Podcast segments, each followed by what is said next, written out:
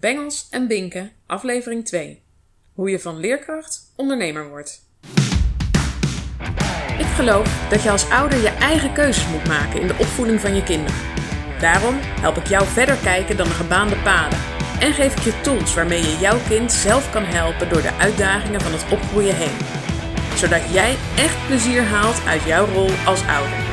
Ik ben Anouk Bink en dit is Bengels en Bink.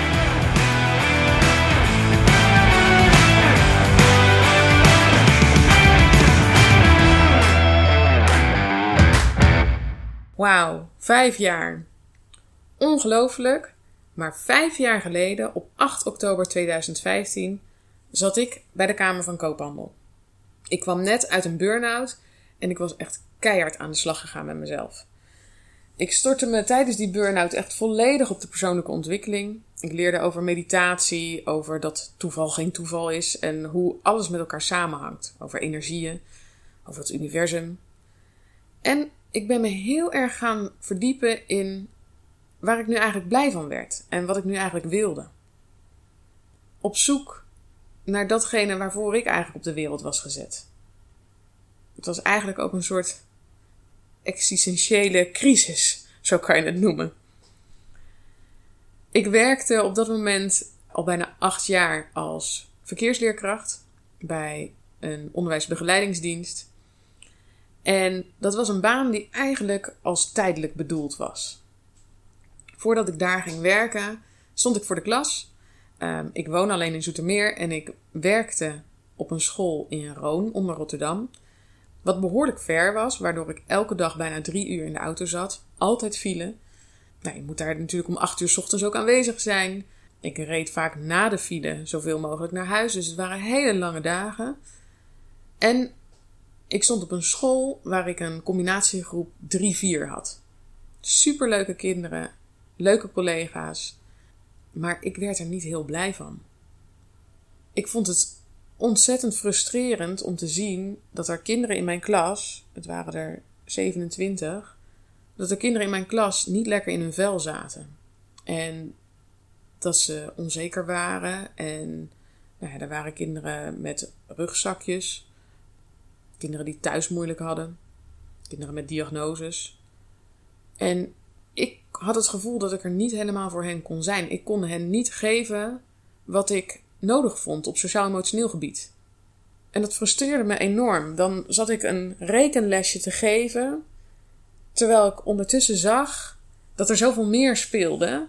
Maar ja, dat rekenlesje, dat moest wel gegeven worden. Want anders dan kom je aan het eind van het jaar in de knel. De methodes moesten gevolgd worden. En na schooltijd was er een Sinterklaascommissie en een schoolkrant die gemaakt moest worden. En had ik eigenlijk te weinig tijd om mijn lessen goed voor te bereiden. Als ik dan dat rekenlesje zat te geven, dan dacht ik ja, als ik nou de tijd had gehad om dit voor te bereiden, dan had ik er zoveel leukers van kunnen maken. Dan had ik het zo anders kunnen aanpakken. En dat frustreerde. Ik vond het echt daardoor niet leuk. Alle plannen die ik had toen ik op de Pabo zat, alle ideeën die ik toen had over in thema's werken, over zaken uitwerken, verhalend ontwerpen. Nou ja, noem het maar op. Ik had de mooiste plannen voor in mijn eigen klas.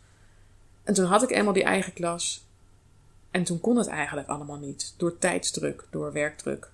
En dan had ik ook nog de reistijd die ik toen had.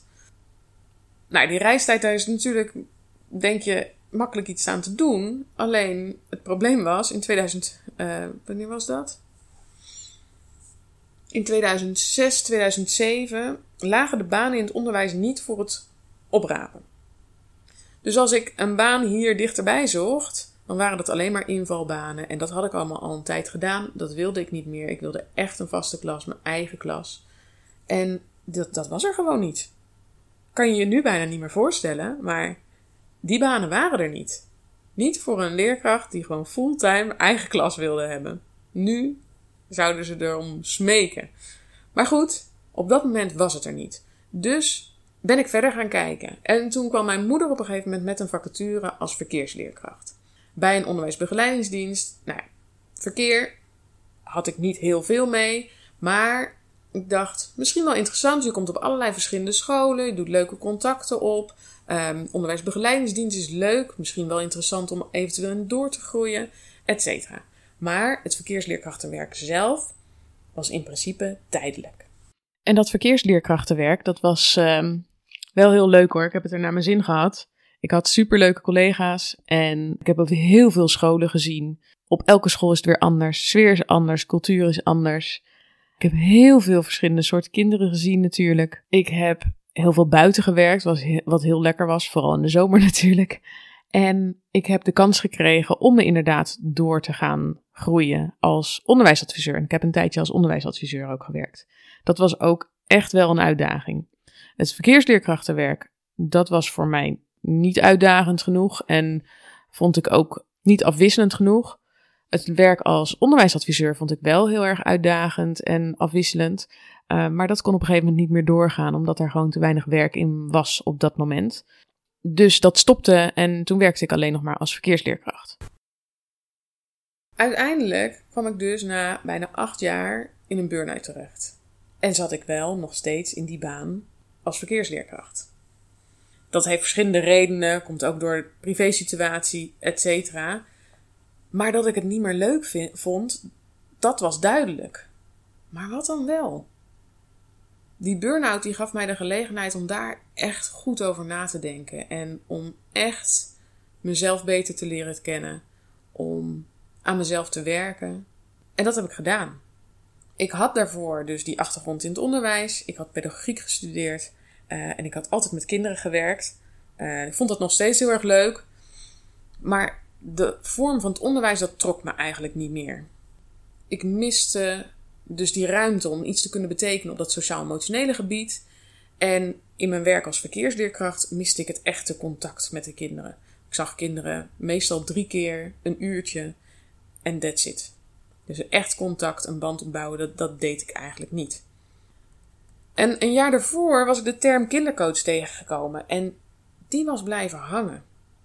Na behoorlijk wat uitzoekwerk bleek alleen wel dat er eigenlijk nergens kindercoachvacatures waren. Oftewel, ik kwam tot, de conclusie: als ik dit echt wilde, dan betekende dat ik dat dan voor mezelf moest beginnen. Maar ik wist helemaal niks van ondernemen. Op een of andere manier had ik het idee dat dat vast allemaal niet zo moeilijk zou zijn. Ik ging er gewoon voor.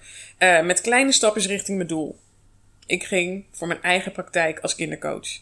Want individueel met kinderen werken, in kleine groepjes met kinderen werken, gericht op dat sociaal-emotionele, dat trok me enorm. En had ik ook echt het gevoel dat ik iets zou kunnen bijdragen. Dus wat deed ik? Ik kwam dus uit die burn-out, ik was weer aan het werk. En ik heb me direct ingeschreven voor een rots- en watertraining. Om weerbaarheidstrainingen aan kinderen te kunnen geven. Daarnaast schreef ik me in voor een training over kinderen en emoties. Om ook workshops te kunnen geven aan ouders. En ik schreef me in voor een kiestraining. Speciaal voor kinderen in echtscheidingssituaties, om die kinderen te kunnen begeleiden. Dat sprak me heel erg aan omdat ik zelf kind ben van gescheiden ouders en een gescheiden moeder ben. Dus ik had die situatie van beide kanten meegekregen. En ik had dus wel echt het gevoel van voor die kinderen kan ik ook echt wat betekenen. En met dat aanbod in mijn achterhoofd ben ik eigenlijk gewoon een website gaan bouwen. Ik kwam terecht in een bouw een website in een week challenge online. En met behulp van WordPress. Uh, het was ongelooflijk, maar na een week had ik inderdaad een website. Ik weet nog steeds niet hoe ik dat precies had gedaan. Als je me nu voor WordPress zou zetten, zou ik geloof ik uh, iets moeilijker kijken. Maar het werd stap voor stap uitgelegd en dat was ideaal. Dus na een week had ik een website. De tweede stap, dat was inschrijven bij de KVK. En daar zat ik dan op 8 oktober 2015 super zenuwachtig, maar ook blij, want ik ging het nu echt doen. Ik werd zelfstandig ondernemer. Daarnaast werkte ik nog wel drie dagen bij die onderwijsbegeleidingsdienst als verkeersleerkracht. En ik woonde alleen met mijn dochter van vier op dat moment. En ze ging sinds twee maanden naar school. Dus ik had twee dagen over eigenlijk. Zij ging vijf dagen naar school, ik werkte drie dagen. Dus ik had twee dagen over. En dat was perfect om dan aan mijn bedrijf te gaan bouwen. Ik ging flyers maken, social media kanalen opzetten, reclame maken. Ik ben echt langs 30 scholen gegaan met mijn flyers. En ben aan het werk gegaan om mijn netwerk op te bouwen. Ik ben mee gaan lopen met andere trainers, met andere coaches. Ik heb nog meer cursussen en trainingen gevolgd. En ehm, veel online dingen gevolgd om me echt te verdiepen in wat ondernemen ook eigenlijk was. En hoe ik dat het beste kon aanpakken. In februari 2016 startte ik toen mijn eerste rots- en watertrainingen. Ik had een gymzaal gehuurd van de gemeente.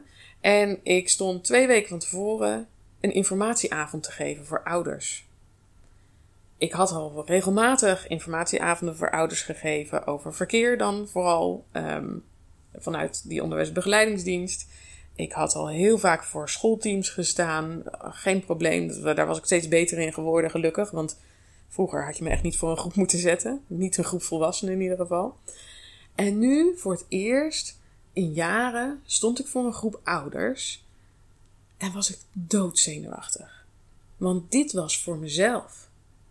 Dit was voor mijn eigen bedrijf, voor iets wat ik wilde gaan opbouwen. En voor een training die ik fantastisch vond. Maar wat nou als ze het niks vonden? Wat nou als ze zomaar weg zouden lopen?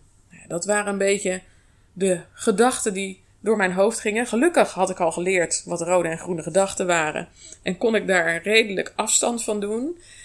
En niks was ook minder waar. Want die ouders die waren hartstikke enthousiast. En twee weken later ben ik van start gegaan met een eerste groep kinderen om die rots- en watertraining te geven. Ik vond het helemaal geweldig. Het was zo tof om op een constructieve manier met die kinderen bezig te zijn. Om ze beter te leren kennen en om ze te zien groeien. En om reacties van ouders te horen dat er zoveel te zien was bij hun kinderen na een paar weken al. Dus toen heb ik me gelijk ingeschreven voor de kinderen- en jongeren coachingsopleiding bij het Atma Instituut in Amersfoort. Een intensieve opleiding van een jaar waar ik uh, me helemaal ging verdiepen om kinderen ook individueel te kunnen begeleiden. Want ik zag ook wel meteen in die trainingen dat het na zo'n groepstraining van acht weken dat sommige vragen ook niet direct opgelost zijn. En dat dat niet ook opgelost kan worden in zo'n groepstraining. Dus dat individuele coaching daar supergoed bij kan aansluiten. Ik had op dat moment geen werkruimte in huis. Voor die groepstrainingen huurde ik dus een gymzaal van de gemeente. Thuis hadden we geen ruimte. Ik heb een vrij klein huis. Ik had wel een koffer met materialen die ik overal mee naartoe kon slepen. En voor die individuele coaching kwam ik dus bij kinderen thuis. In hun eigen woonkamer coachte ik hen bij het vergroten van hun zelfvertrouwen en het omgaan met emoties en het verbeteren van hun positieve mindset. En dat was hartstikke leuk om te doen. En daarnaast werkte ik nog steeds twee dagen als verkeersleerkracht. We zitten inmiddels begin 2017. Ik had, was wel één dag minder gaan werken bij uh, die onderwijsbegeleidingsdienst. En werkte nu dus twee dagen daar nog. En had drie dagen voor mijn eigen bedrijf. Binnen die onderwijsbegeleidingsdienst kwam er alleen een reorganisatie aan. Er gingen mensen weg. En toen realiseerde ik me dat ik dat eigenlijk ook wilde.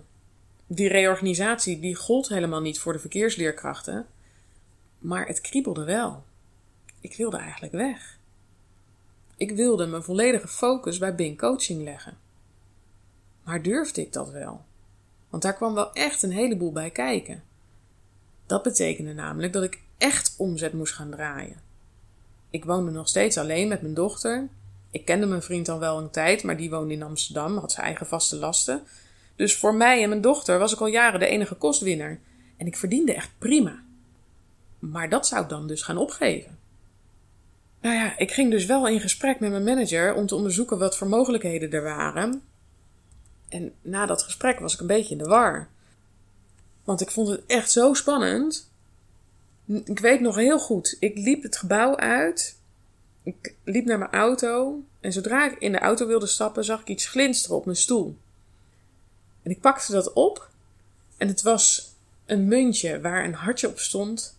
En op de andere kant stond: Follow your heart. Dit muntje had ik twee maanden daarvoor in mijn portemonnee gestopt toen ik hem van een hele lieve vriendin had gekregen. Hoe kwam dat ding hier op mijn stoel?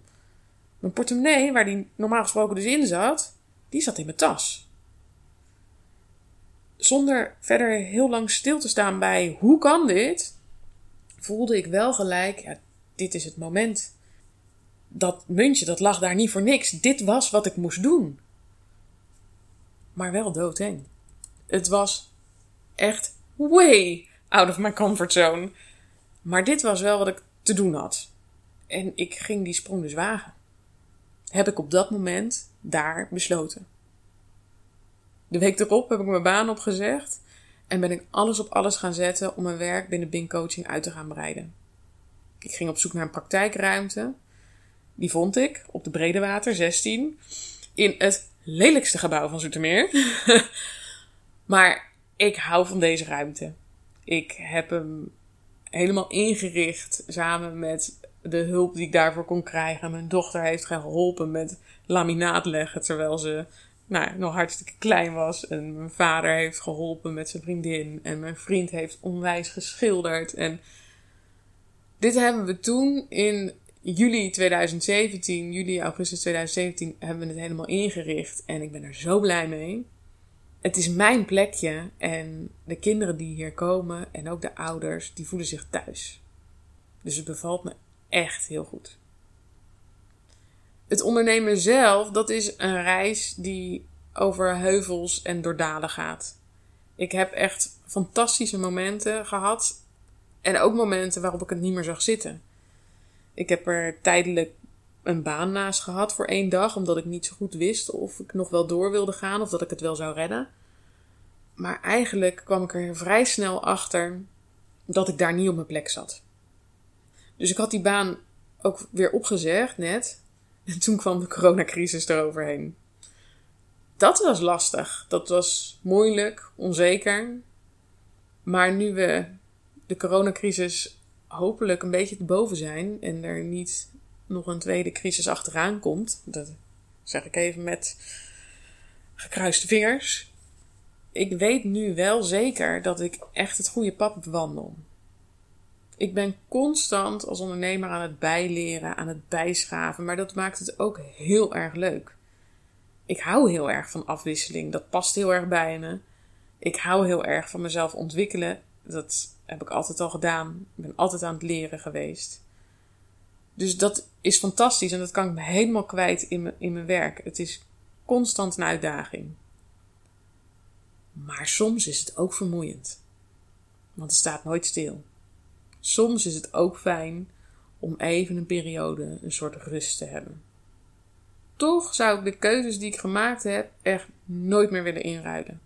Ik werkte dus drie dagen als verkeersleerkracht en daar verdiende ik echt meer mee dan ik nu doe met vijf dagen werken. Maar heel eerlijk, ik doe dit honderd keer liever. Ik haal zo enorm veel voldoening uit mijn werk.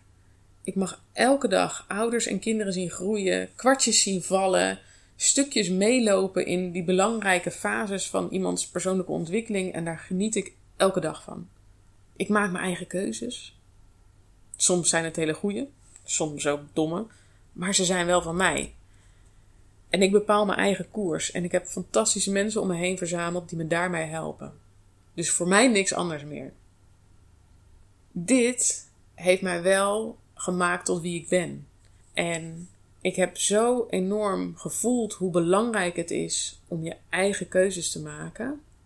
Om te kiezen voor jezelf. En dat is hetgene waar ik echt heel blij van word.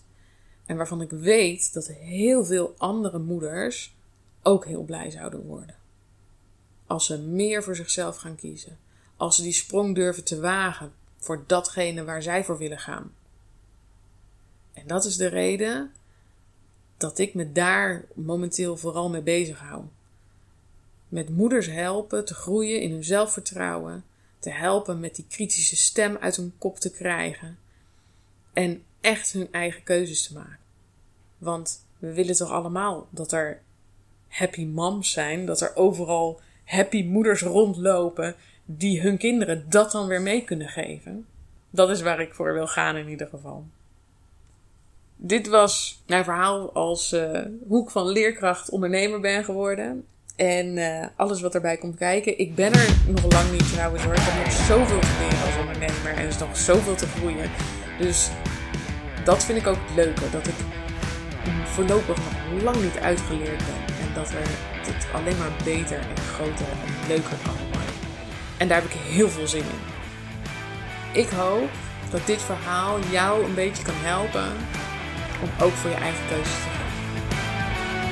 Om ook te gaan kijken, wat is nou hetgene waar ik van word. Kies daarvoor. Dankjewel voor het luisteren naar deze aflevering. Heb je er wat aan gehad? Vond je het inspirerend? Abonneer je dan op deze podcast, zodat je volgende keer precies weet wanneer de nieuwe aflevering er is. Of laat een review achter. Elke review helpt mij weer om meer mensen te bereiken. Dus je helpt me er enorm mee. En als je nou specifiek iemand in gedachten hebt waarvan je denkt, ja, die heeft iets aan deze podcast, deel hem dan. Heel erg bedankt en tot de volgende keer.